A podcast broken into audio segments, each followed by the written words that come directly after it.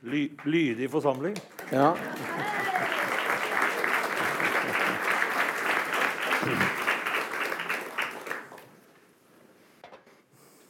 Ja, dere begynner å klappe allerede? Det er veldig bra. Um, velkommen, Bjørn Eidsvåg. Tusen takk.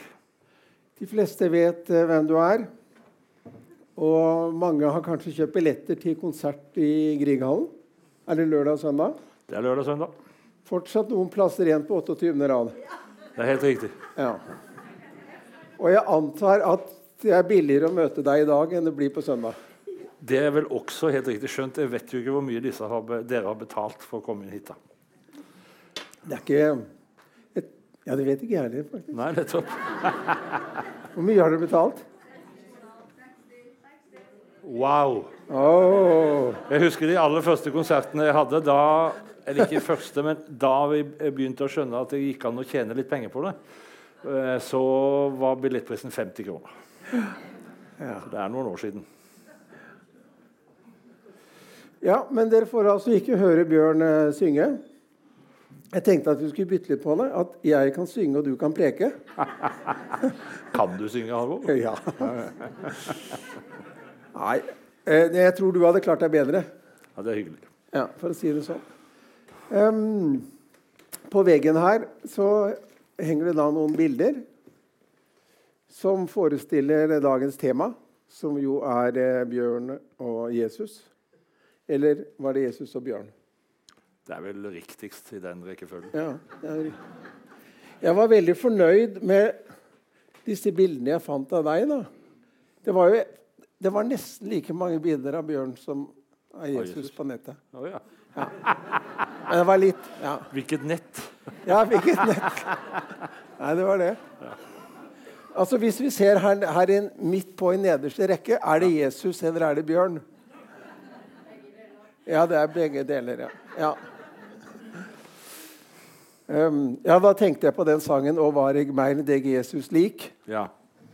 Og det, du var veldig lik, i hvert fall. Um, Ja, nå er det jo ingen av oss som har et klart bilde av hvordan Jesus så ut. da, Men sånn, eh, sånn har han vel på en måte blitt til. Ja. Ja. Men noen mener jo at han er langt mer arabisk utseende enn det ja. vi Det er vel grunn til å tro at han hadde langt hår og skjegg. Det er vel grunn til å tro det. Men det fikk ikke du lov til. Nei, ikke langt hår i hvert fall, som tenåring. Så, eh, som ungdom. Men dette var jo noe som var i hele kulturen. At eh, en del av ungdomsopprøret for oss gutter var å la håret vokse. Og det ble det reagert sterkt på. Men du ga deg ikke. Nei. Eh, altså det, det skulle jo vise seg at disse her som var imot langt hår, på, på en måte på sikt har fått igjen Altså de er bønnhørt eh, i dag, da. For nå faller jo håret av, og det, det er ikke så langt. Men den gangen da så var det altså hele eh, altså, det, ja, Vi satte vår ære i å ha langt hår. Sånn var det. Det var en eh, et signal til voksengenerasjonen om at vi lot oss ikke dupere eller eh, disiplinere. Men din far var ikke vennlig stemt.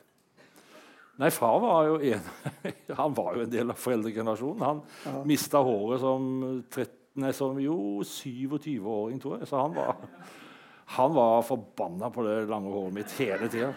Altså, det var rein misunnelse. Eh, men han, han, var, han var ikke verst. Altså, det verste var egentlig, eh, egentlig lærere på skolen.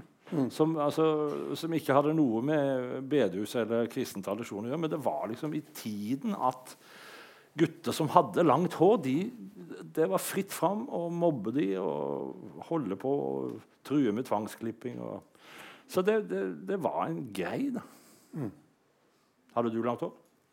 Jeg prøvde, men jeg fikk det liksom ikke til. Nei. Nei, det var, ble mer sånn fjoner. Ja. Men, men det falt ikke av, da. Nei, jeg ser Nei, det. Du har nei. beholdt manken. Det er pussig. Um, første gang jeg møtte deg, det var på MF. Jeg begynte å studere i 72, og du begynte å studere i 73, tror jeg. Ja. Og da du kom på MF, så kom det 120 andre i samme slengen. Ja. Og det var en ganske finmasket trål hvor, eh, som dro med seg masse forskjellig ungdom. Eh, og det var jo Jesusvekkelsens tid, og det var stor Ja. begeistring for prosjektet Jesus. Ja. Eh, når du begynte å studere teologi, var det for å bli prest? Ja, eh, det var Altså, jeg hadde en svigerfar altså, som skulle bli svigerfar eh, etter noen år. Presten i Sauda han påvirka meg voldsomt. Han snakka om prestemangel og at jeg var, hadde et ekstraordinært talent som prest det, eh, til å bli prest. Så, så det var helt klart en, en medvirkende faktor. Men det var også en faktor at jeg var så dårlig på å huske altså dårlig på å huske bibelord og se sammenhenger i Gamletestamentet og Nytestamentet. Og, og så var det alltid noen sånne veldig eh, fromme som kunne så masse bibelord og, og, og la, altså, laga teologi ut ifra det. Så jeg kjente behov for at jeg må rett og slett sette meg inn i dette. Jeg må bli flinkere. Jeg må, jeg må få greie på det. For det var så mye jeg reagerte på. Eh, som jeg tenkte det kan, det kan umulig være rett. Altså Selv bibelord syns jeg var helt sprø. Eh, så jeg tenkte liksom eh, dette her må jeg, her må jeg gå i dybden så godt som jeg kan. da.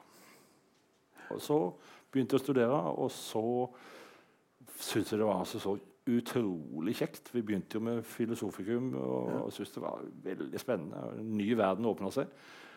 Men så viste det seg at kantinelivet var vel så gøyalt som eh, Ja. Er, vi har gode erfaringer derfra. Ja, vi har det. Og den gangen så var det lov til å røyke i kantina på Ja, det var det. Alt var fint. Ja. Ja. Og vi hadde med oss gitarer. En Ja, ja, oss, vi hadde liksom en fast krok som vi satt og den kroken. og jamma. Og, ja. Men du var, du var jo innom lesesalen nå. Jeg var innom lesesalen, Ja, da, jeg, jeg, tror har- jeg, jeg, gikk vel ut med en laud til sammen her, så, så, sånn noenlunde Nei, unnskyld. Haud.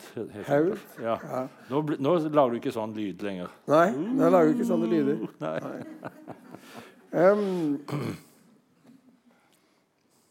jeg vet ikke om du husker uh, Ikke veldig lenge etter at du var ferdig på MF, så ringte jeg til deg fra Tyskland. Ja, jeg husker det. Husker du det? Du bodde i Bonn. Jeg bodde i Bonn og var prest for norske studenter i Europa. Yes. Og så lagde jeg sånne studentweekender hvert uh, semester, og så vil jeg gjerne ha deg nedover som attraksjon. Og du sier Og du sa ja. Ja. Veldig hyggelig. Og Det sier jo litt om din status den gangen, at du bare fikk dekket reiseutgiftene. Det er akkurat det samme som gjelder i dag for dette arrangementet.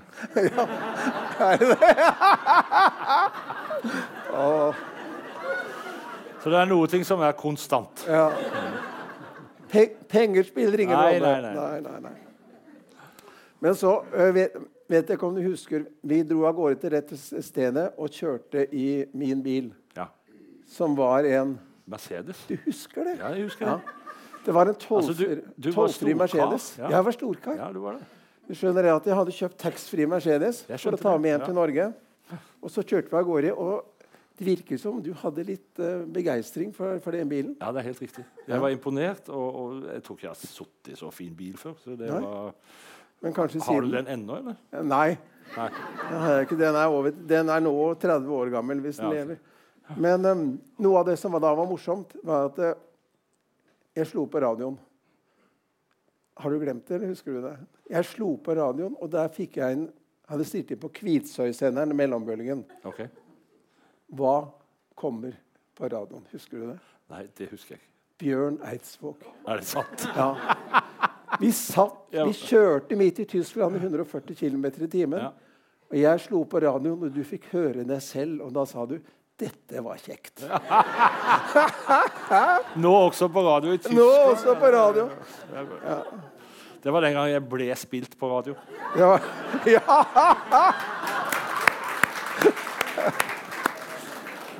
Da var de ung og lovende, vet du. Da var jeg det. Ja. Um, du har skrevet bok. Jeg har skrevet bok. Den skal vi snakke om om litt. Tro og trass. Min vei og mine valg.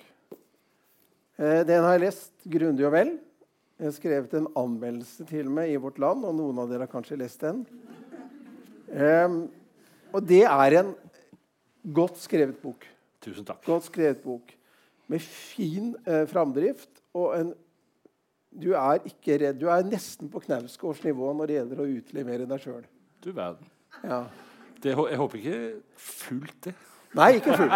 Nei. La oss si det sånn, Jeg har forsøkt å holde igjen så godt Ja, du har holdt igjen. Ja. Nei, men altså eh, Dette må du høre positivt. Dette er en ærlig bok.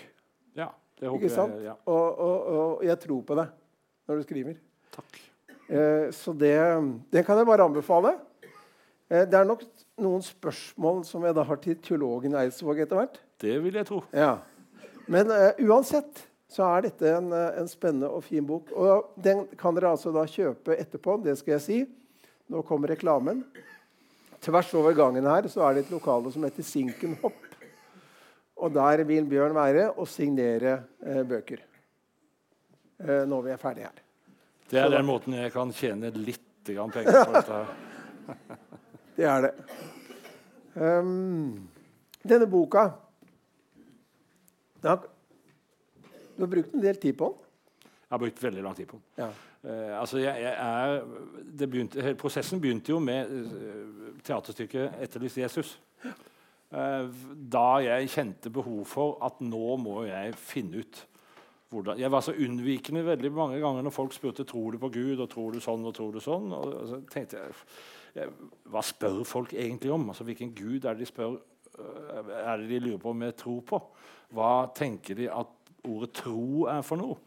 Eh, Og i, de fleste tilfeller så tenkte jeg vel at folk har et sånt eh, bilde av en, en personifisert gud, altså et overnaturlig vesen, en, en, en ting, en skikkelse, eh, som har eh, på underlig vis født en sønn som heter Jesus. Og om det er liksom hele det konseptet der jeg tror på. Eller eh, hvordan er det? Og hva betyr Jesus for meg egentlig i dag? Jeg har alltid betrakta meg sjøl som en Jesus-aktivist, nærmest. Altså, jeg er kjempefan av Jesus. Har vært det, fra, og det, det er noe av det fine jeg syns jeg fikk med fra bedehuset. Og er det fortsatt. Og hver gang jeg er i situasjoner der jeg ser at Jesus fortsatt er en inspirator for, for fredsarbeid, for rettferdighetsarbeid, og alt sånt, så blir jeg stolt og glad. Eh, og, og så tenkte jeg da at nå må jeg ta dette på alvor. Nå må jeg gå gjennom uh, hva livet har gjort med meg, og, og hvordan livet har formet min tro i dag, og hva min tro er i dag. Så det begynte med Etterlyst Jesus. Og da, da var det altså så gøy å være teolog, Halvor. Da, var det, da, for da fikk jeg igjen den begeistringen for teologi som jeg mista under teologistudiet.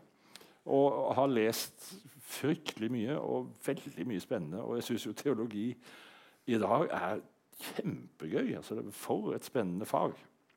Så jeg satt igjen med masse tanker. Altså, når du lager teater, så er det for eksempel så skrev jeg da 70, noen og 70 sider om den historiske Jesus, som jeg hadde tenkt å ha med i teaterstykket som Svein Tindberg skulle foredra på et vis. da.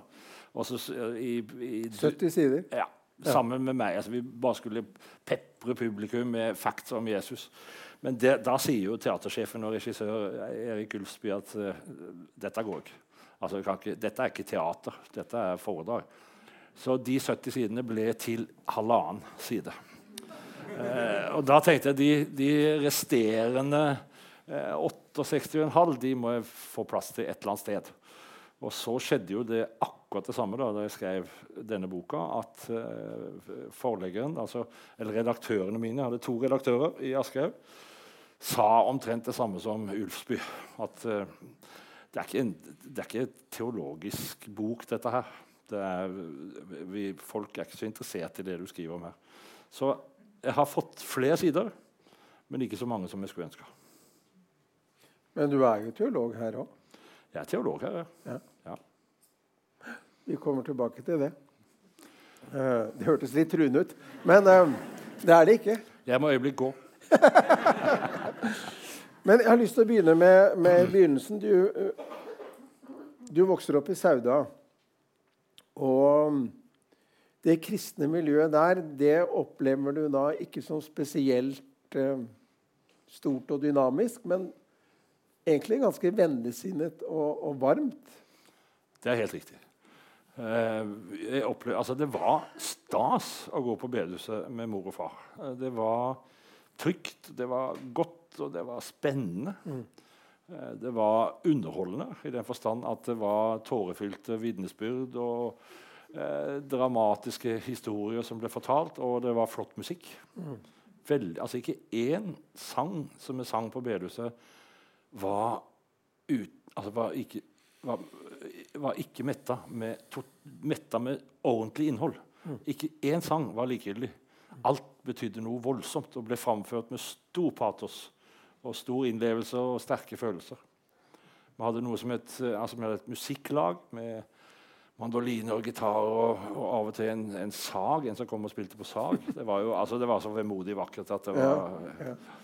Og da var det flere av de, særlig de damene da, som sang med litt skjelvende røst, som brast ut i gråt midt under uh, synginga. Og det var jo betagende og fint og, og, spennende.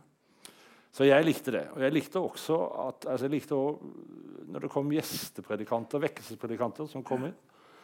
Men noen av de var etter mitt skjønn klin gærne. Altså, det var sånn Uh, det var der denne helvetesgreiene begynte. Altså, jeg visste jo om uh, fortapelse av helvete, og alt sånt, men tok det liksom ikke så på alvor. Jeg tenkte liksom at det, For det første så er det lenge til. Var det lenge til jeg eventuelt skulle havne der, så jeg tenkte ikke tenke så mye på det. Eh, og for det andre så var det liksom ikke et, et tema. Jeg skjønte jo at de voksne ikke likte å snakke om det. Men vekkelsespredikanter de likte å snakke om det. Vi skulle jo frelses, så da brukte de alle metoder som fantes. Og det var ingen aldersgrense på de møtene, og helvete ble malt med brei pensel. Sånn at det var ikke vanskelig for oss da som bodde i Sauda, ved en fabrikk som spydde ut ild ja. hele døgnet. Smeltovnene. Smeltovnene. Det var ikke vanskelig oss 1000 grader. ja, Ja. ikke vanskelig for oss å forestille oss hvordan det så ut der. Nei. Men allikevel eh, Du beholdt jo troen oppi alt dette her. Ja, altså Jeg fikk klikk på Jesus. Jeg var Ja. så Jesus-fan. Og de fortellingene om Jesus var, betydde mye for meg. Jeg sloss for Jesus rent fysisk. Jeg hadde en kompis som, var, som mobba Jesus for han syntes han var for bleik. Eh, på en måte, Altså for veik. da. Eh, og han var Tarzan-fan. Og for å, for å bevise at Jesus var sterkere enn Tarzan, så banka han opp. Så jeg har eh, Jeg har gjort en innsats. Et, Et fint kristent vitnesbyrd. Yes. Men han holdt på Jesus Nei, han holdt dessverre på Tarzan. da. Så, sånn var det. Ja. Um, men jeg hørte en som sa i forbindelse med boka di at han, han driver og frigjør seg fra Sauda fortsatt.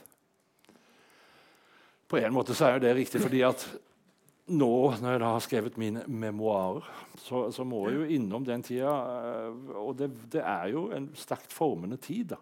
Mm. Og det har prega veldig mye av min tenkning på godt, på godt og vondt. Og det preger nok tenkningen min ennå. Liksom. Altså, det er vanskelig å riste altså, det gudsbildet som jeg eh, vokste opp med, og den måten å forstå ting på. Så, så det er, er nok riktig på én måte, men samtidig så kjenner jeg nå, når jeg har skrevet denne boka, at uh, nå, nå er jeg litt ferdig med det. Altså, Og så har jeg en, jeg har en kone som uh, altså Vi vokste opp sammen nesten. Vi har vært kjærester siden vi var 16 år, så hun kommer fra samme miljø. Og hun er veldig på meg hele tida om at jeg er for slem med, med bedehusmiljøet. At jeg må passe på at jeg må huske de gode tingene. For, hun hadde en helt annen måte å oppleve disse tingene på. For vi opplevde jo i stor grad det samme. Jeg ble fortvila og sinna og, og jeg fikk sterke følelser. Hun tenkte meg sånn Ja, ja. De om det. Altså, Den vekkelsespredikanten. Ja, ja. Han er vel litt gæren. Men for meg ble det sånn Hva? Hva er det du står og sier? Og Det var en sånn indignasjon på Jesu vegne. Altså fordi at For meg var jo eh, alt troa handla om at Jesus var de svakes forkjemper. Han var forkjemper for rettferdighet og ikke-diskriminering.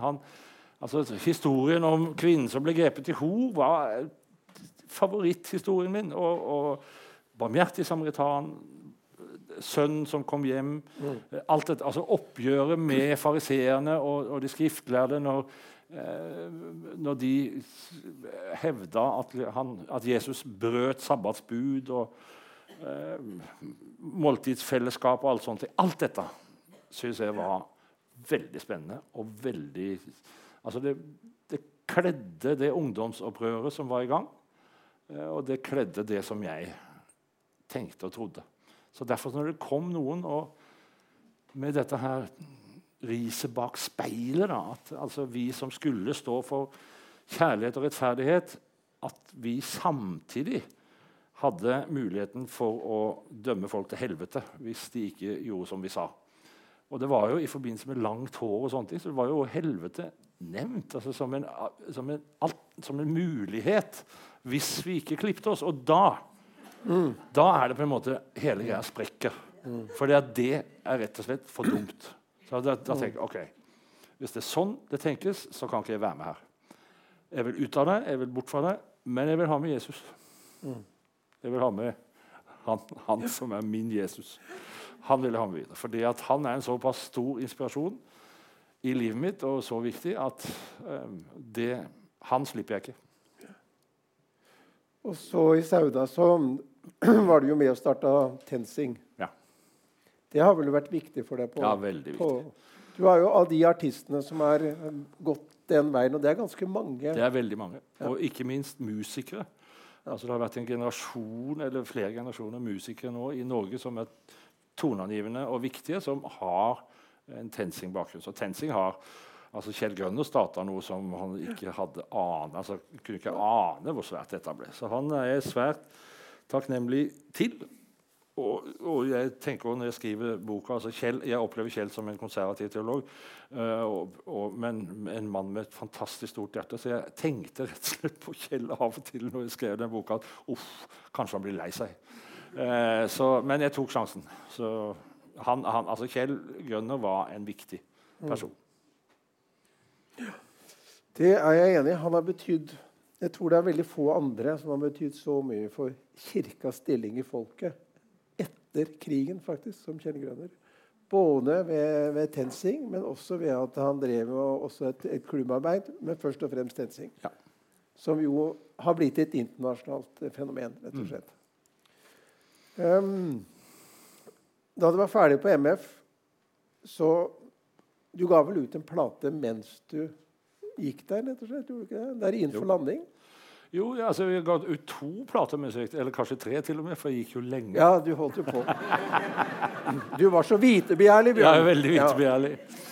Eh, så altså, jeg ga ut 'Innenfor landing', 'Bakerste benk' og en plate som het 'Endelig voksen'. Alle ja. de mens jeg gikk på MF. Ja.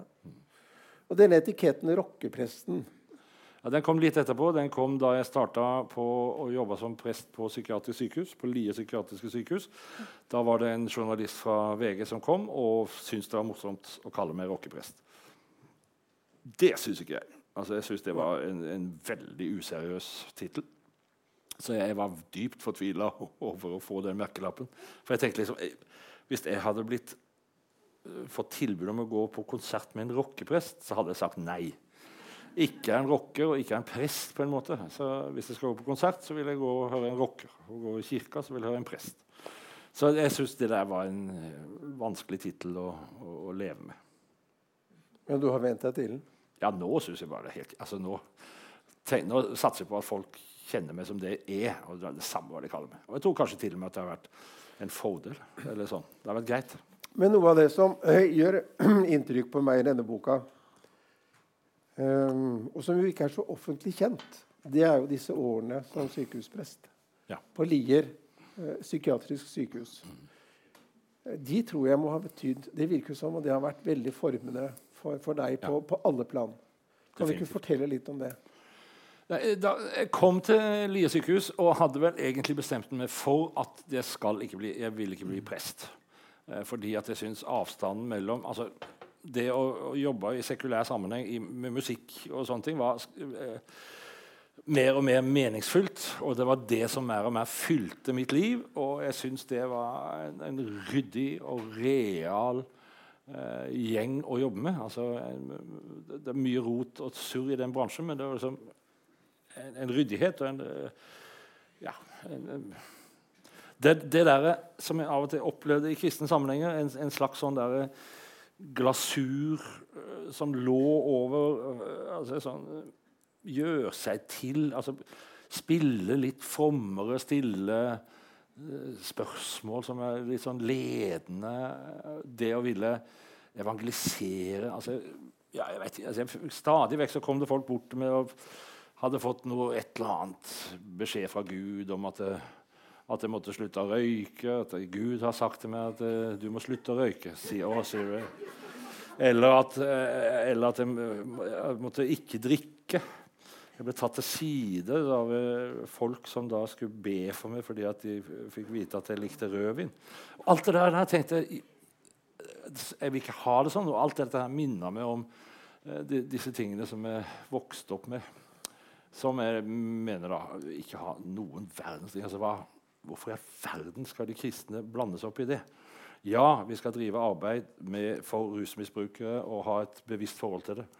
Men ikke kom til meg og si at Gud har sagt Jeg vet. Altså, Gud har sagt til meg òg at jeg ikke bør røyke. Så det er, ingen, det er, ikke noe problem. Bare ti stilt. Jeg vet at altså, Å røyke er å bryte ned kroppen, og det er ikke noe Gud heier på. Hvor var du? Jo, så, kom, så fikk jeg praksisperiode på Lier sykehus ja. Hos en prest som het Einar Øresland. Som var altså den første presten jeg møtte der ingenting av de tingene jeg nå sier, var til stede. Altså han, var, han, var, ærlig og åpen, og han var spørrende. Han var den første presten egentlig jeg møtte som så å si ikke hadde et svar på noen verdens ting. liksom, det var mer som en teknikk. da. For Han hadde en tilnærming til når pasienter snakka med han, eller ansatte, og sånne ting, så snudde han alltid. Altså sånn, ja, men Gud jeg, jeg, er en stor synder, og, Gud fordømmer meg. Dette, dette vil ende med, med helvete. Hva, hva, hva, skal jeg gjøre? Ja, hva skal du gjøre? liksom, og dermed så var, var, det i gang. og det, det, Dette ble jeg veldig fascinert av. og Han møtte jo meg på samme måte. da. Jeg fikk jo ikke slippe, slippe unna med noen verdens ting. Eh, så det var et veldig viktig og sterkt møte. Og jeg ble så begeistra for å være der at ha, altså han fikk tilbud om å bli generalsekretær i Kirkens familierådgivning. Og da spurte han meg om jeg ville overta uh, jobben hans. I første omgang som et vikariat. Og da sa jeg ja. Så da lot jeg meg ordinere og hadde syv-åtte usedvanlig meningsfylte og viktige år på det sykehuset. Ikke minst var det fryktelig gøy å ha gudstjenester. Det var, altså, det var, ekstraordinære gudstjenester med frie innfall og frie vitnesbyrd ad masse. Eh, det var sånn, Jeg delte ut nattvær. En, eh, det var en som var ekstra ivrig hver gang. altså Vi hadde nattvær hver gang. og så, Han var alltid først ute. Han sto og trippa på sida når liksom, han skjønte at nå er kuet på å gå til nattvær. Rett ned på kne, og så kommer jeg til han og så sier jeg, 'Dette er Jesu legeme'. 'Ja, det veit jeg!' Så det var, det var, jo en, det var presten før meg, da, eller før Einar Øresland, som sto med For det var røykeavdeling bakerst i, i, eh, i, festsalen, hvor vi hadde rigga til en slags mobil kirke.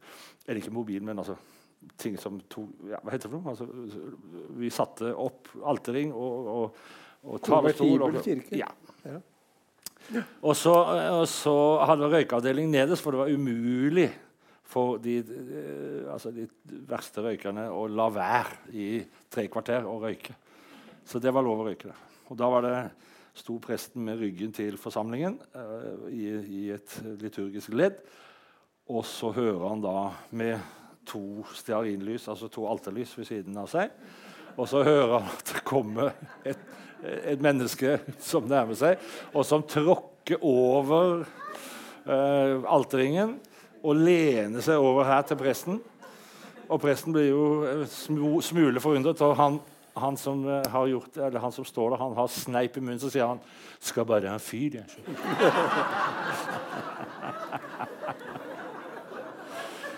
Og det var så befriende. Altså, det var så, det var så Jeg likte å ha gudstjenester på dette stedet. Og så var det en gang på Lier sykehus at du ikke fikk til preika, Ja. og skrev en sang. ja. Altså, jeg hadde en tekst av ja, Pottemakeren fra Gammeltestamentet. Han som eh, begynner om igjen og om igjen, for han får det ikke til. Og jeg tenkte jøss, dette er jo en enkel tekst for meg å skrive preken om. For her kan jeg være pastoral, altså her kan jeg være terapeutisk. Om å starte på nytt, om nye begynnelser og alt sånt. Så det, det anså jeg å være en enkel sak. Satte meg ned på en lørdag ettermiddag og begynte å skrive. Så fant jeg ut at alt jeg sa om det temaet, bare var sprøyt. altså det ble banaliteter. Jeg fikk det rett og slett ikke til. Så jeg gikk og grunna på dette i lang tid, på, eller på flere timer. Og på natta så, tenk, så ga jeg opp. I, sånn i ett-to-tida. Så ga jeg opp, så tenkte jeg OK, det- dette får jeg ikke til. Så da tar jeg med i morgen så tar jeg med gitaren og synger tre-fire sanger og knytter noen tanker til det. Men jeg har en veldig høy arbeidsmoral. Det øh, er jeg ikke flau over å si. Det har jeg alltid hatt. Um, så jeg tenkte at jeg må bidra med noe som er nytt. Altså, jeg, jeg kan ikke la meg sjøl slippe så lett unna. Så jeg prøvde å skrive en ny sang så jeg kunne ha med meg som liksom var Så jeg hadde gjort en jobb. da. Og da skrev jeg 'Jeg ser'. Eh, og det tok et kvarter.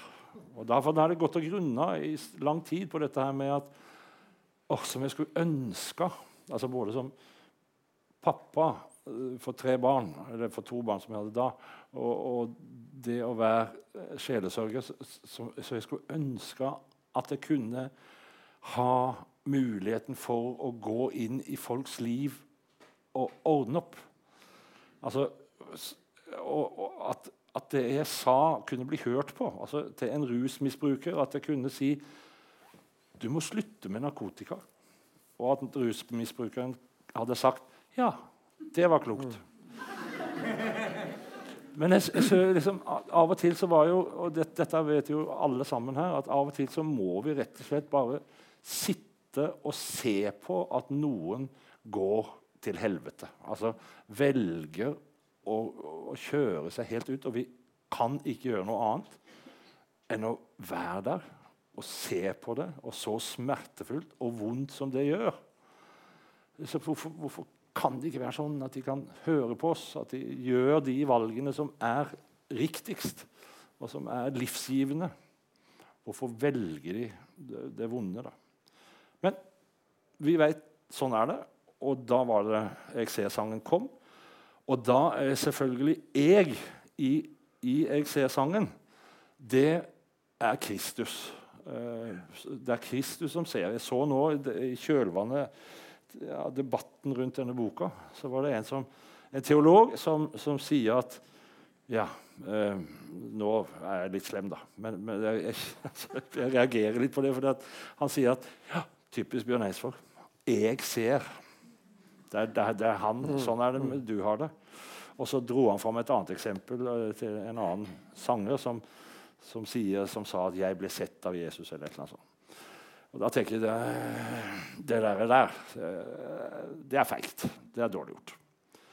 Men jeg er åpen for at eh, jeg ser har flere meninger eller flere betydninger. Og det er klart at eh, å, å, å gjøre det som at det er vi som er jeg, er helt greit. Altså Det syns jeg bare er fint. Men når du kommer til slutten, siste verset, Ja. så er det vel strengt tatt bare Jesus som kan være jeg der, som jeg er død til liv for deg. ja. Eh, vi, kan, vi kan for så vidt altså, Jeg har en venninne som forstår den, det verset sånn at vi opprettholder den dødes minne og fortellinger om den døde. og På, på den måten gir vi eh, den liv. Og det, altså For meg er det en Vær så god og tolk det sånn. Men det var ikke ment sånn. Nei. Og denne sangen, den synger du jo ofte. Ja, det er ikke en konsert. Altså, det er eh, jeg har rett og slett ikke samvittighet til å, å la være å synge. Fordi at jeg får så mye reaksjoner på den, og at den betyr så mye. Og jeg får fortellinger om at folk har kommet langveisfra bare for å høre den. Så, så det, den spiller jeg så å si alltid. Det har hendt noen ganger at, at jeg er sur på publikum. Det hender at jeg blir sur på publikum. Altså Hvis det snakkes for mye og bråkes og holdes på. altså sånn ja, altså, la oss si det sånn, eh, Vi spiller noe, av og til på noe som heter events. Altså, det kan være et oppdrag for uh, næringslivet. Uh, jeg spilte for noe, et nyoppretta børsselskap Eller ikke børsselskap, men uh, meklerfirma. Som var altså så uforskamma og elendig oppførsel. De står med ryggen til når de spiller. Altså, sånn, de, blåser i det. Og Direktøren i dette firmaet han dro med seg kona opp på scenen og, midt i en sang og stiller henne opp ved siden av meg og skal ta bilde av oss. Det er sånn Altså, det er, det er, en oppførsel som ikke hører hjemme noe sted. Da synger jeg aldri ser'. Da synger jeg aldri 'Mysteriet' i deg. Da synger jeg aldri de der sangene som de forventer at jeg skal. Da kan de ha det så godt. Da kan de ha det så godt. Det der med psykiatrien jeg snakket med en som jobber, uh, har jobbet med psykiatri både på Øst- og Vestlandet. Og Vedkommende sier at det er mye mer religiøse nevroser på Vestlandet enn det er på Østlandet. Ja, det har jeg og, og, jeg tenker at den fortellingen din om um, opprundet fra det, det, det, miljøet som hadde mye godt med seg, men som også var ja, styrte mye med angst da. Og, og hadde altfor stramme eh, rammer rundt uh, tilværelsen. At uh, du har tatt et oppgjør med det, det, det, tror jeg er veldig bra. Og at det har betydd mye for, for, noen å høre det. At det går an å ta et sånn skikkelig oppgjør og lande, og lande på beina. Uh, så det kan du godt vite. Ja, det, at, um, det visste jeg for så vidt. Det visste du, ja. Men det er jo kjekt å høre det, da. Ja, det er kjekt å høre. For all del. litt tilbake til det der med Og nå kommer, jeg, kom jeg litt i samtalen med teologen Eidsvåg. Ja. Um, du, du, sa Det står i en bok, siste boka til Halvor Moxnes, ja. 'Historien om Jesus', der står det at uh, 'jeg er en vesentlig teolog'. Ja vel. Og jeg nevnes, altså jeg nevnes sammen med Jervel og en del av de store teologene. Eh, bare dette for, du, dette du, for å advare deg. Du fant det nødvendig å si det? Ja. Før vi nå ja. ja. Nei, men altså vesentlig teolog, det sier jo Ikke så mye. Det kan man forstå. Jo, ja. men altså i, i, i, hvert fall så har det jo nådd langt ut. Ja. Altså, Jeg skriver jo også betydningsfulle ting, men det blir jo ikke lest på samme måten. Her, venn, det er lenge siden jeg hørte jeg preike, Halvor. Men uh, en venn av meg som sa når jeg skulle hit, så sa han at han hadde hørt deg preike for ikke så lenge siden. Ja. Og han sa at du holdt, hadde holdt en fantastisk god preken. At du var en god taler. Og du vet. Så det er jo Jeg prøver så godt jeg kan å smiske meg. ja. Nå har vi det veldig hyggelig her. Ja. Og hyggelig skal det bli. Jo. Nei, men altså, nå skal jeg være litt eh, Jeg skal være nysgjerrig. Uh, og så, uh, La oss ta den der jeg ser.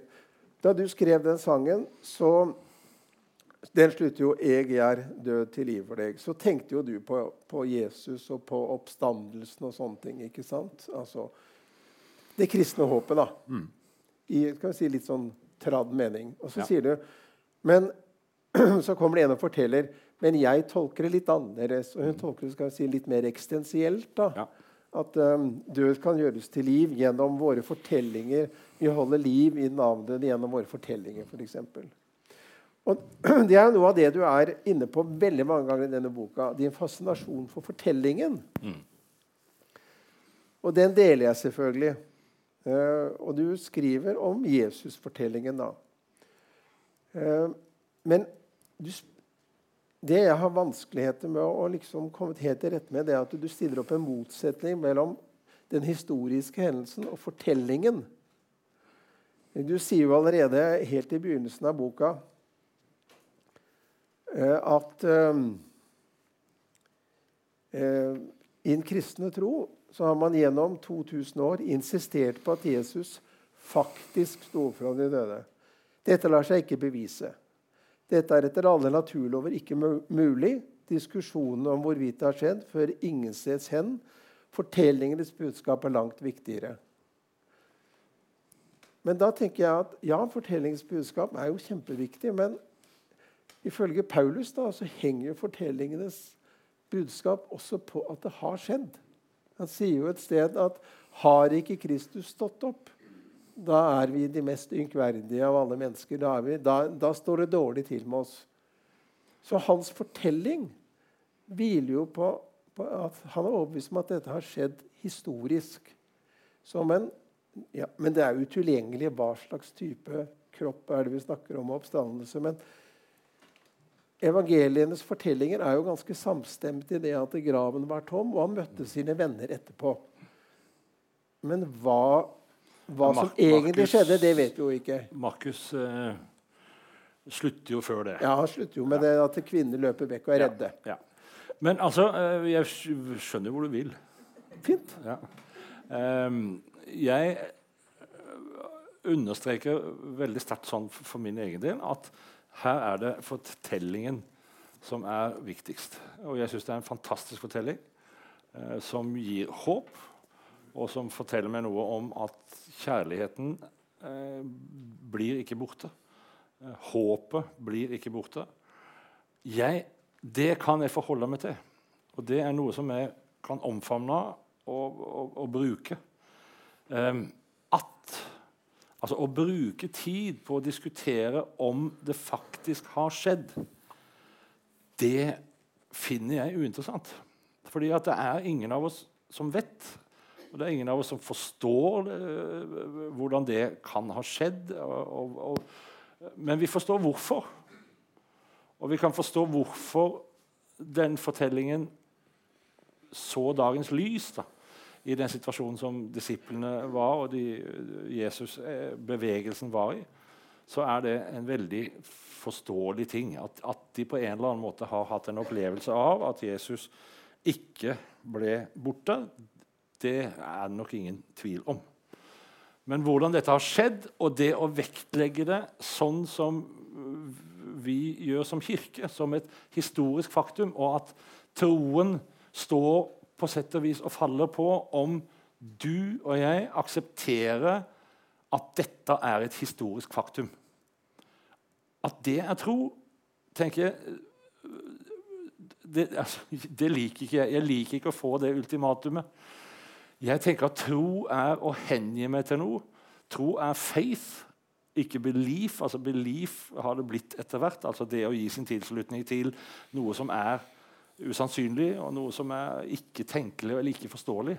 Mens faith tenker jeg at det var nok den troen som de første kristne og Jesusbevegelsen hadde. Det var hengivelsen. Det var kjærlighet. Det var engasjementet for Jesus' sin visjon om Guds rike. Det stedet hvor fred og rettferdighet og oppreisning og tilgivelse skulle herske og råde for alle. Det er på en måte det er visjonen hans om Guds rike. Og den visjonen lever ved fortellingen om Jesu oppstandelse. Om han faktisk har stått opp, aner jeg ikke, kan jeg ikke forholde meg til. Men han faktisk har stått opp, eller at han har stått opp i fortellingene, det kan jeg forholde meg til. Mm. Men hvorfor altså Gitt nå at, at det er Gud altså Hele Bibelen hviler jo på en, en type kan vi si, ikke-bevisbar hypotese. Da, nemlig at mm. her, her, er det Gud som handler. På, på, på mange rare vis. Eh, særlig i Det gamle testamentet. Eh, men hvis du ser på Jesus' fortelling, så er den båret oppe av en overbevisning om at eh, gjennom Jesus så handler Gud. Og, Kirken setter noen ord på det etter hvert, mm. som går ut på at han er Guds sønn. Mm. Og at uh, det, hans person kan ikke forstås på annen måte enn at han kommer fra Gud. Han er mer enn profetene. Sant? Og med det utgangspunktet Jeg er helt enig med deg at dette er utilgjengelig. Det er vi har ingen erfaring av noe sånt, og det kan i utgangspunktet ikke skje. Men hvis det nå er Gud som er på ferde, og hvis det nå er Han som har skapt alt sammen, er det, er det, veldig, er det veldig, nødvendig å si at uh, Ja, dette tror jeg kanskje Du sier jo ikke at det ikke har skjedd, men du, du syns ikke det er så viktig at det ikke har skjedd. Jeg tror det er viktig at det har skjedd. da.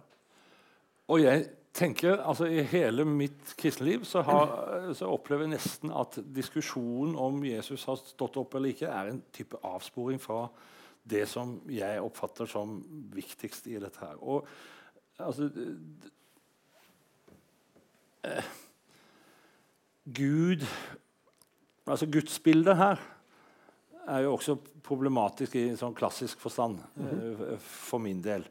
Eh, altså, det som er viktig for meg med eh, at Jesus er Kristus, det er at de kristne gjorde han til det. Eller vi kristne har gjort han til det og holder han for å være Kristus. Eh, holder han for å være vår Herre. Eh, og det er jeg med på uh, fortsatt.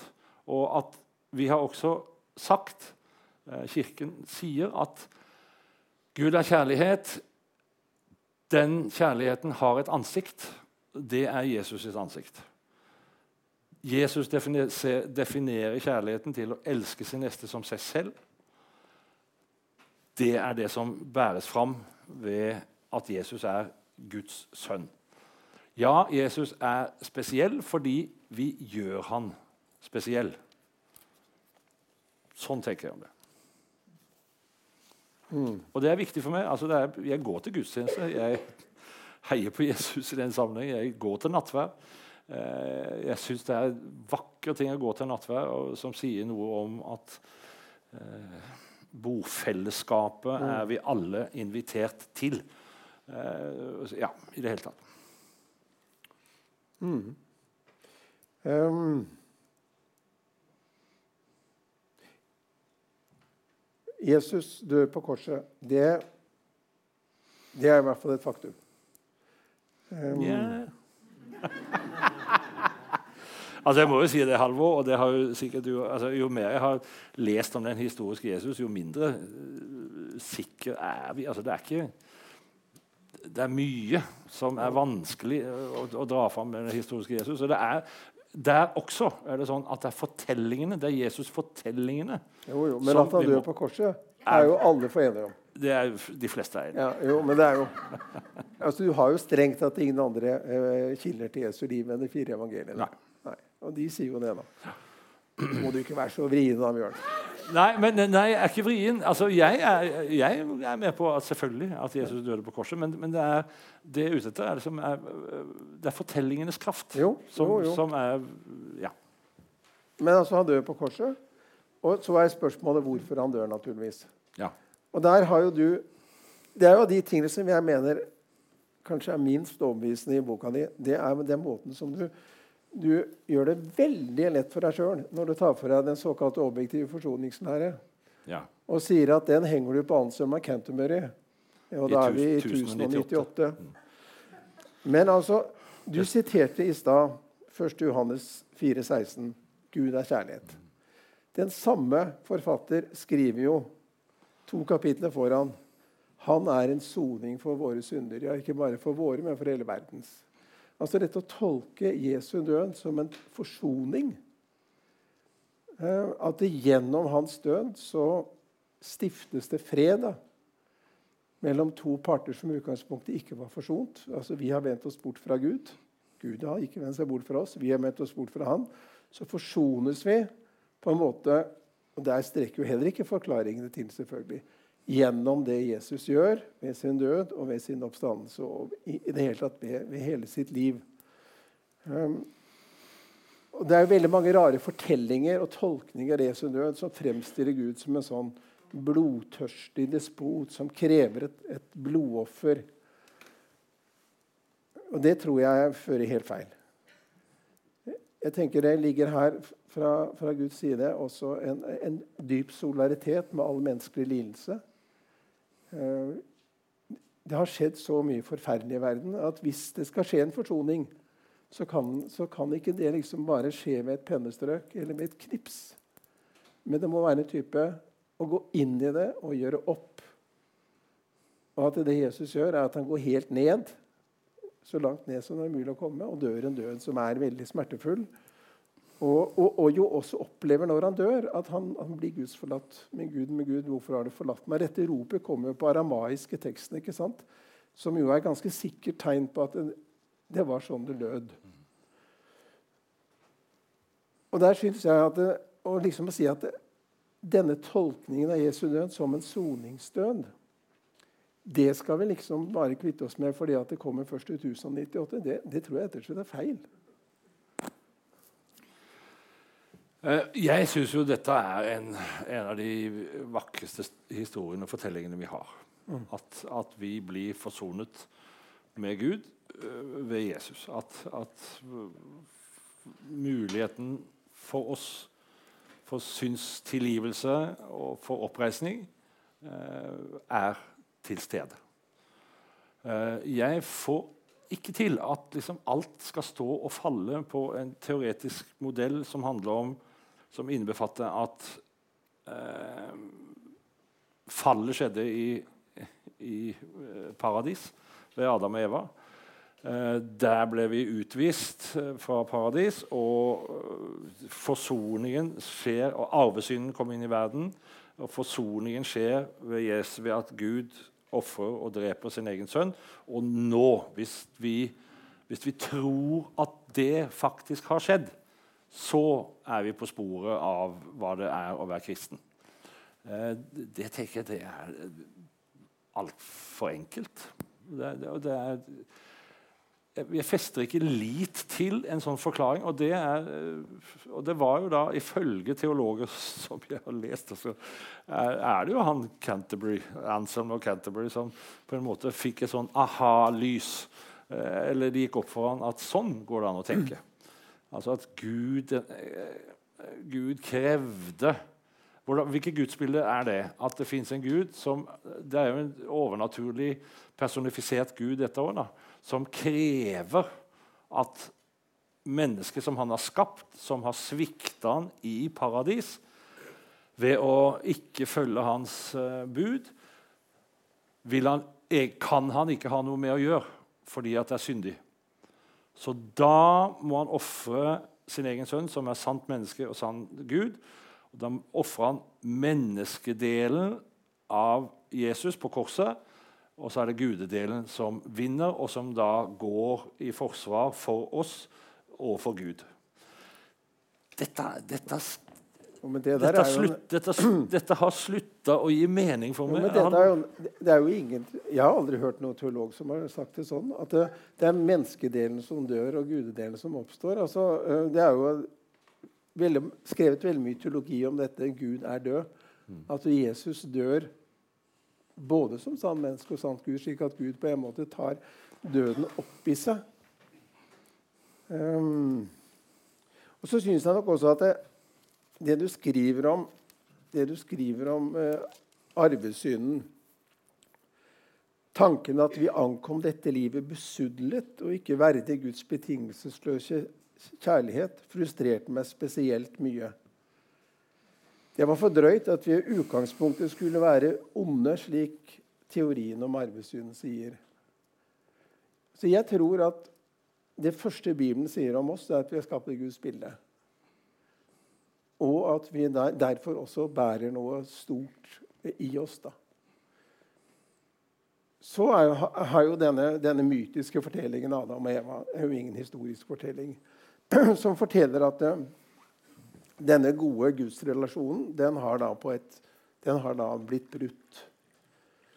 Uh, og det er jo riktig at uh, Adam og Eva føres ut av paradiset. ikke sant? Og det, det er jo også da en type mytisk fortelling på også, for å si at her skjer det eh, et brudd. Og Paulus er jo den som tar dette her arvesynslæren på en måte til og gjør, gjør teologi av det når han sier at alle syndet i Adam, men alle reises også opp i Kristus. Altså Det er liksom to skikkelser i historien. Det er Adam, som er det, det gamle og det falne mennesket. Og så er det Kristus som er det oppreiste og det nye mennesket. Og det å være kristen, det er å gå da gjennom troen og dåpen fra den gamle Adam og til den nye. Det betyr jo, som, som både du og jeg har erfart, at den gamle Adam jo ikke forsvinner. Vel? Vel? Men, men, men, men, at, det blir skapt noe nytt. Og det, du skriver jo også her i boka di at det, det jo en forståelse av arvesynden som en type Det at vi sitter fast i et ondt mønster, og at vi alle opplever den der, den der at vi, det gode som vi gjerne ville, det får vi ikke til. Og, og, vi ødelegger livet for hverandre. Det er jo ingen som liksom står, kan fri seg fra den. Og det der med uh, at forsoningen er en type teori som er utviklet etterpå Vel, det ordet i Det gamle testamentet som Det nye testamentet siterer oftest, er jo fra Isaiah 53. Han har såret for våre overtredelser. Så, så, dette mener jeg er en tolkning av Jesu død som egentlig har vært der hele tiden.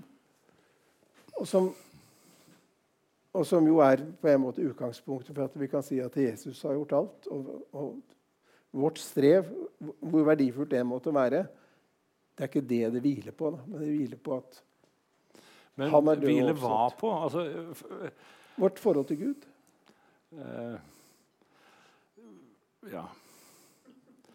Jeg har problemer med sånn tenkning. For, altså, Gud er for meg kjærlighet. Uh, yes, altså, kjærlighetskraft. Gud er det, tilværelsens uh, grunnvoll. Mm -hmm. Gud har ikke ett ansikt. Gud har mange ansikt. Vi har valgt å gi han Jesus sitt ansikt. Uh, jeg, jeg, får, jeg, får, ikke til at hele poenget med, med denne fantastisk store historien uh, skal være at Gud skal bli forsont. Altså at Gud skal bli uh, fornøyd med, oss skapninger. jeg tenker at Gud er fornøyd med oss skapninger. Eh, Gud altså, Gud er kjærlighet, og vi kan ødelegge eh, kjærlighetskraften ved å gjøre vondt. Vi ødelegger dette hele tiden ved å gjøre vondt, ved å handle galt. Eh, både overfor andre og overfor selv.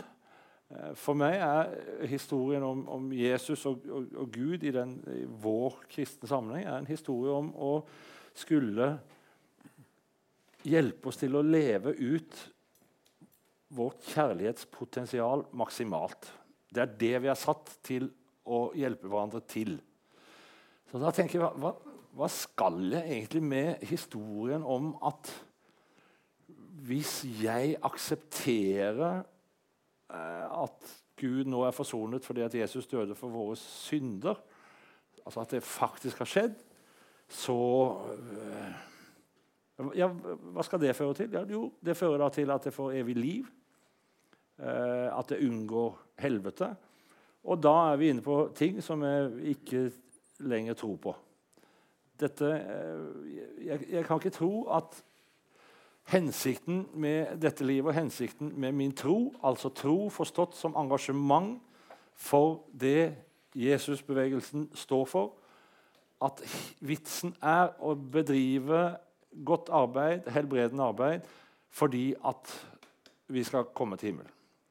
Det ekskluderer altfor mange mennesker, det ekskluderer altfor mange kulturer. det ekskluderer, altså det, Jeg syns dette er på grensen til barnslig i dag. Altså det, er, det, er, det, er, destruktiv tenkning som jeg ikke helt skjønner hva jeg skal med. Jeg tror ikke på helvete. Og jeg tror ikke på himmel i den forstand som jeg blir lært opp til å tro på det. Altså At det er et faktisk sted. At, det, at livet her og nå er en slags parentes hvor jeg må tøyle en, en, hel masse ting og tro på en hel masse øh, underlige konstruksjoner, teoretiske konstruksjoner for å komme til himmelen. Det, det er ikke jeg med på lenger. Men jeg er med på Jesus, fortellingen om at Jesus døde for våre synder. Altså at vi nettopp i vår etterstrebelse på å løfte opp kjærligheten og få hver kjærlighetens mm, hjelpere, altså Guds hjelpere, så gjør vi feil, og så trenger vi, vi trenger oppreisning til fulle. Og da er det en Jeg har skrevet en sang om dette her, som jeg syns er veldig vakker sjøl, som heter 'Til alle tider'. En tåre renner fra ikonet, en mager mann med tornekrone eh, Ja. Eh, hvor, hvor nettopp på en måte Jesu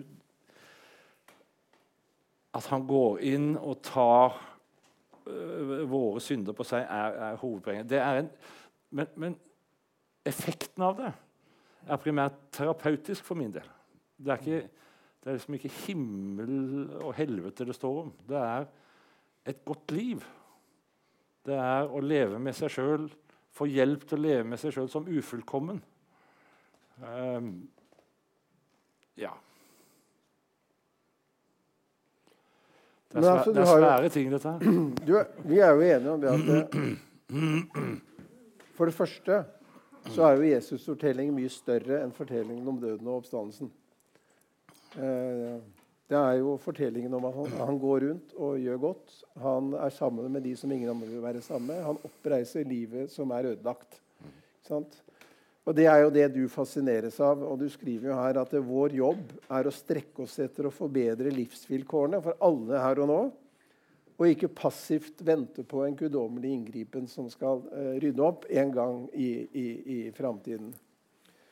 Uh, men igjen, jeg kan ikke se at det er noen motsetning mellom å holde fast på det, som, som jo er helt umistelig, og som jo kanskje har fått altfor liten plass i trosbekjennelsen, for der står det ingenting om Jesu liv.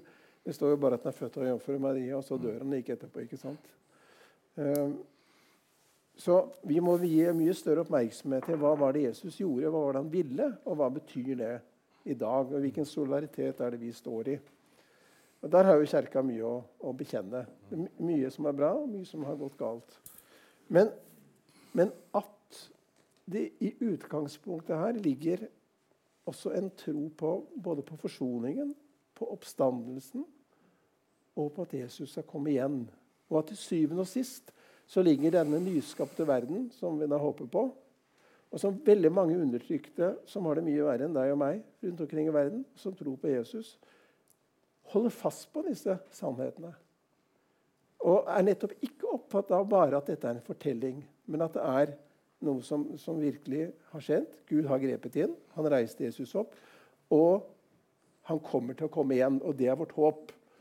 Og det håpet det gir dem kraft til å kjempe den kampen som du sier at vi Og som jeg tenker også, at vi skal kjempe for fred, for rettferdighet. Så jeg forstår ikke at det er nødvendig å liksom Men det gir jo ikke noe mening for deg. Du, men å arkivere det som er det som jeg opplever som helt sentralt i klassisk kristen tro, fordi vi skal heller kjempe for en bedre verden. Hvor, hvor kommer det alternativet fra? Altså, hvis de fortellingene som, som du nå slåss for, uh, får oss til å Så er det greit. Hva sa du? Ja, da er det greit. Da er det greit. Ja. Ja. Uh, men, men altså, det å gå rundt og tenke altså, jeg, Alt frigjøringsteologene, i, i, særlig i Latin-Amerika, er jo uh, altså, de, de går jo ordentlig inn i å være Jesu etterfølgere helt praktisk her og nå. At det er det det handler om. Jeg kan liksom ikke helt forstå at det å skulle love folk en luksuriøs tilværelse der lykken og, rår hele tiden, konstant Tenk å være konstant lykkelig og gå på gater av gull. At, liksom at det skal være noe som skal gjøre det sånn at det blir kjekkere å kjempe for fred og kjærlighet her og nå. Vi skal jo synge i kor, da. Ja, det, ja ikke sant? Det er for så vidt. Det blir jo fint. Altså, ba, Bare av den grunn vil ikke jeg til himmelen. Tenk å måtte Nei. stå i et evig kor. Men altså Nei, men altså, alt, ja, men, dette her, Bjørn, alt ja, dette her er jo bilder.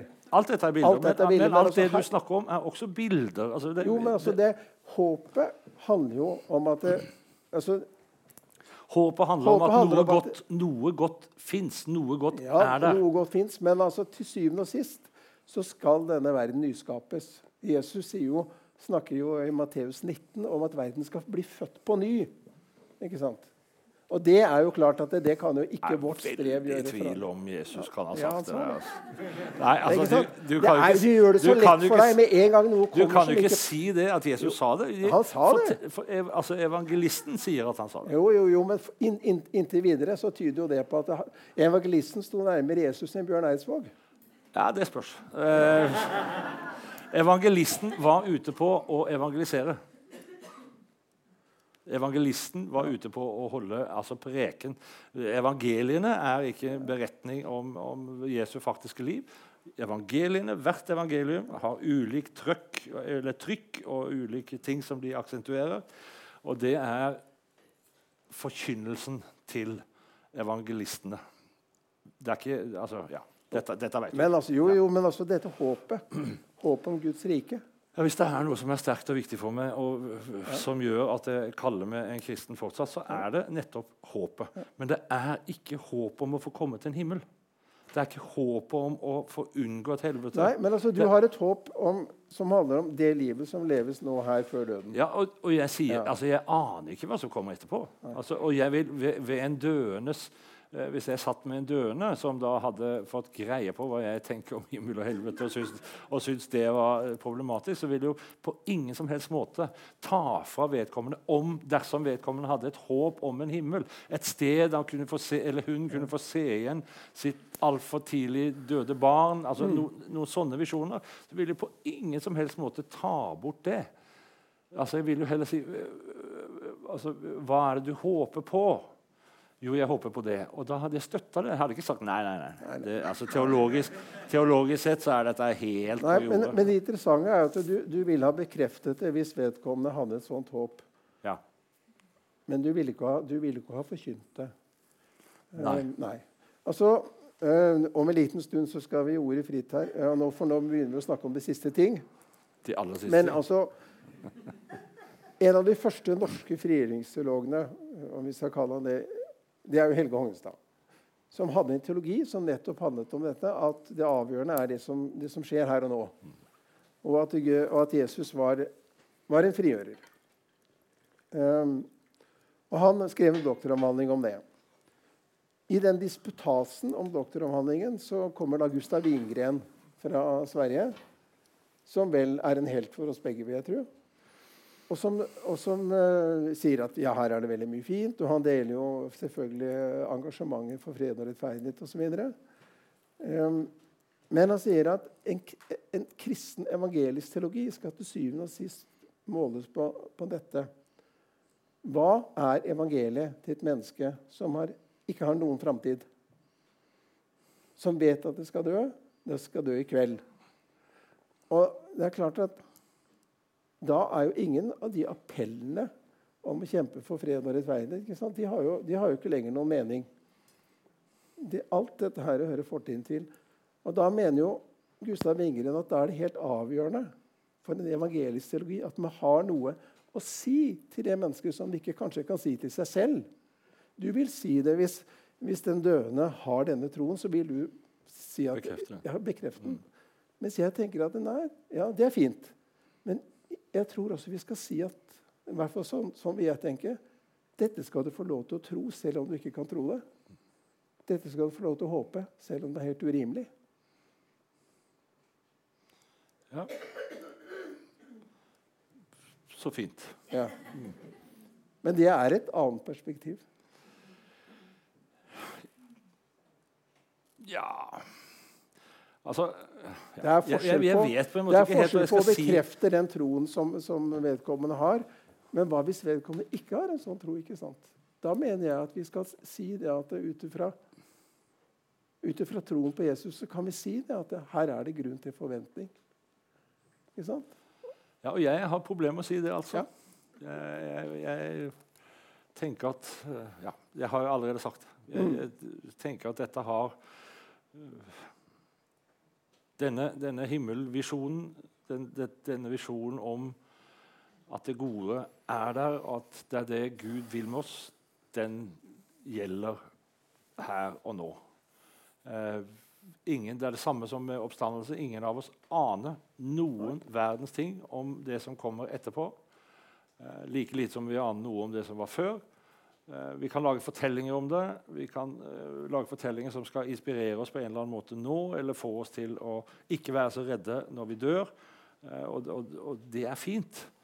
Men å faktisk tro at vi fysisk, legemlig, et eller annet sted skal leke i en slags paradisisk hage, det, altså det jeg, jeg, jeg, jeg skjønner på en måte ikke at Altså, jeg forstår at vi mister vår troverdighet hvis vi fortsetter ja. å forkynne det. Men du sier at de er barnslige. Jeg er enig, sånn som jeg hører deg snakke, så er jeg enig de er barnslige. Oh, takk skal ja. Men altså, Paulus skriver jo at det, her er det en annen type kropper det er snakk om. ikke sant? Snakker om en, en himmelsk kropp. Bare, det, bare der ligger det en erkjennelse av at det er en annen type kroppslighet. En annen type skal vi si, eksistens. da. Men Paulus sånn. var jo som oss. da, Han prøvde å finne ut av dette. her. Og det er bare det å si at det er en annen type kropp hva, hva, betyr det? Hvordan da? Altså Er det en slags avatar, avatar av oss? Altså, hvordan, hvordan, er dette? Altså, I det hele tatt å bruke tid på å, å spekulere i det Nei, men Jeg skjønner ikke hvorfor du bruker tid på å si at det tror du ikke på. Jo, for, jo, det skal jeg si deg. Fordi at jeg tenker at denne forklaringsmodellen om himmel og helvete og ikke, den har ødelagt ja. mange mennesker. Den har ødelagt eh, for Kirkens troverdighet. Den ødelegger den dag i dag for vår troverdighet. Eh, derfor. Jeg driver jo akkurat nå og har sånn studiepermisjon. vet du. Det, det, ja. det, det trenger jeg sikkert. Ja. Eh, og Da jobber jeg med religionsteologi, og da handler jo veldig mye av, av, det jeg leser, nettopp om det spørsmålet hva med alle de andre? Mm.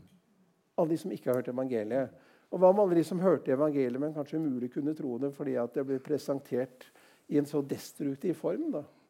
Hvor selv din barndom i Sauna er rene paradiset i forhold til hva mange har opplevd ja. av kristendom. Se, se, filmen 'Disko'. Ja, ikke sant? For det eksempel. er mørkt. Altså. Det er Eller alle de som har opplevd overgrep fra kjerka. Ja. Ikke sant? Så, så det er jo de, de, tingene som jeg da også strever med, det er disse spørsmålet altså himmel og helvete.